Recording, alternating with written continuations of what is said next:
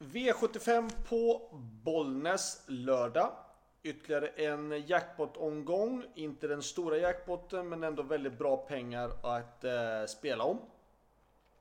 Eh, en omgång som jag tycker är svår att hitta flera spikar i tycker jag. Det är... Eh, det finns motbud i varenda lopp så det är svårt att hitta de här riktigt bra spikarna. Jag hittar bara en om jag ska vara helt ärlig. Eh, I den första avdelningen är det inte, tycker jag, spikläge. Eh, Visserligen så tror jag ganska så hårt på min nummer ett Guillaume Boko. Jag tycker han eh, gör bra lopp och han känns fin i sista jobbet. Att det är 2-6 är ingen nackdel så sett. Han klarar ju det. Han klarar av både gå kort distans, medeldistans och lång distans. Så att den är liksom inte någon... Så att det är någon jättefördel men absolut ingen nackdel heller. Ehm, jag tror att Guillaume kan leda loppet runt om. Eh, han måste inte ha ledningen, han går jättebra bakifrån. Eh, värsta motståndarna tycker jag nummer 6 Remarkable Feet och nummer 8 Jacques Noir såg bra ut senast också. Så jag tycker att 1, 6 och 8 är värst emot. Men såklart det finns det andra bra hästar med också, men det här är utgångshästarna. V75 2 har jag valt att gardera på ganska så ordentligt. 8 eh, Champlain är hårt betrodd och såg och har sett bra ut. Eh, men är det någon gång han ska vara sårbar så är det väl den här gången när han går ut första gången på V75 och just från spår 8 auto. Nu är det så att Bollnäs bana har ett ganska så långt upplopp och det är klart att långa upplopp gynnar eh, dåliga spår, eller blir inte lika missgynnade i alla fall att ha ett dåligt utgångsläge. Men jag har plockat på många hästar i det här loppet. Jag väljer med nummer 1 Gigaroam, 2 Arabesk, 3 Bix Avalon, 6 Ekos Futur som jag kör själv tycker jag visar eh, bra fartresurser men det verkar som att han inte förstod riktigt vad han skulle göra men han var ändå väldigt bra tycker jag. 7 eh, Self Explosive och då självklart nummer 8 Champlain. Så 1, 2, 3, 6, 7 och 8. Självklart ska 8 rankas 1 men jag tycker att det är läge att syna den här gången. V753 är gulddivisionen och jag har med nummer 2 Drimo K som känns fin men han har eh, varit sjuk. Han startade i Boden, spurtade väldigt bra då. Eh, men tyvärr efter det så har han haft på en förkylning och stått över en del jobb. Dock så känns han fin. Men ofta hästar som har varit sjuka eh, brukar behöva ett lopp för att liksom komma igång riktigt ordentligt. Eh, jag tycker de som ser värst emot det är eh, ett Hill Street tycker jag. Eh, med tanke på utgångsläge. Spår 1 på Bollnäs är inte så illa som på många andra banor. Ehm, 9 Rose Run Sydney tycker jag man ska passa upp för. Likadant 6 Erik Sting ska man passa upp för. Men självklart 10 Esprit Sisu. Om jag får ranka loppet så säger jag...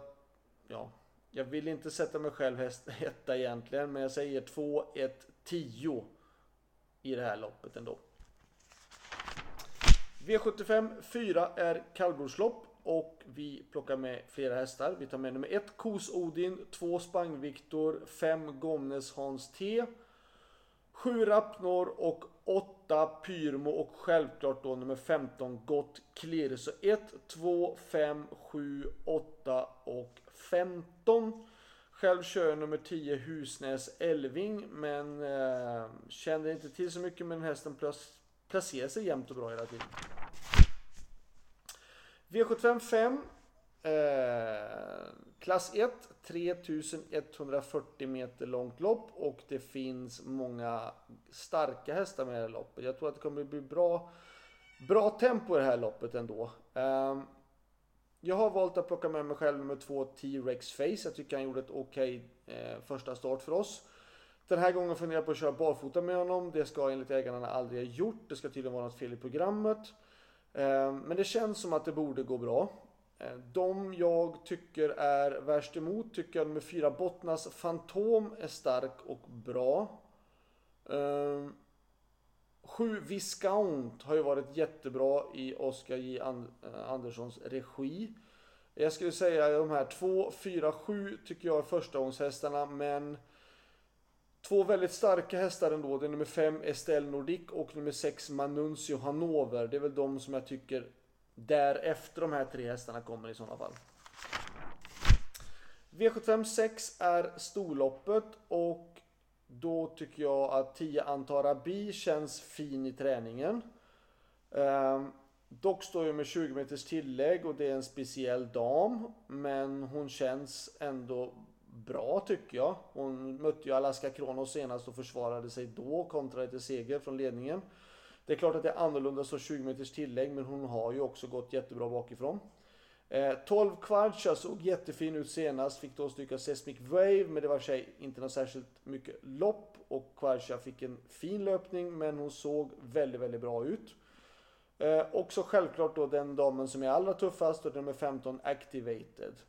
Eh, utan inbördes ordning då så är det 10, 12 och 15 som jag tror har bäst chans i lopp 6.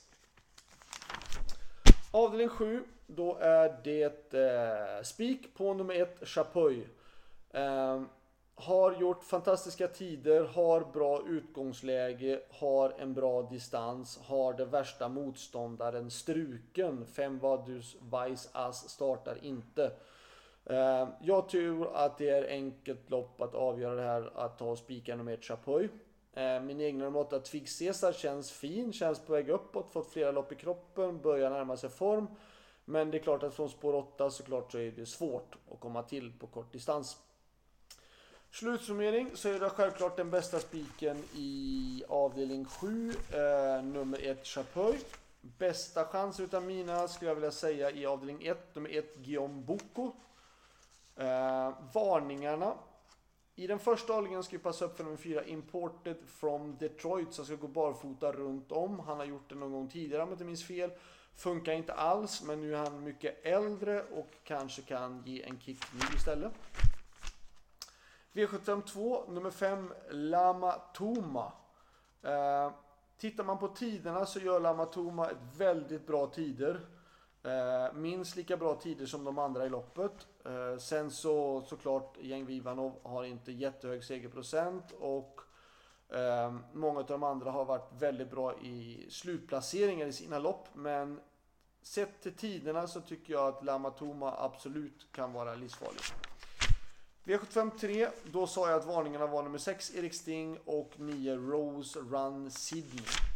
V75 4 då tycker jag att om man nu ska plocka ytterligare en häst, då väljer jag nummer 12, Demex. Ehm, jag tycker Demex har... Jag tycker han har gått bra och han har mött till exempel Odd Herakles den sista starten. Ehm, det är ingen Odd Herakles med den här gången och Demex har gjort bra tider. Eh, visserligen inga jättebra placeringar på slutet men fartmässigt och motståndsmässigt så har han ändå visat det bra. V75 5. Då tycker jag det finns en häst och det är Daniel Redéns hästar. Vi vet att de går jättebra. Det är nummer 9 Messiah. Den hästen kan mycket mer. Eh, eller tyckte han framförallt han såg väldigt fin ut när han gjorde den där starten den första april när han vann det här långloppet. Då gick han jättebra. Nu är det ett nytt långlopp. Eh, han har gjort två långlopp i raden, två segrar och däremellan startar på 2-1. Då har han inte vunnit och nu är det ny 3-1.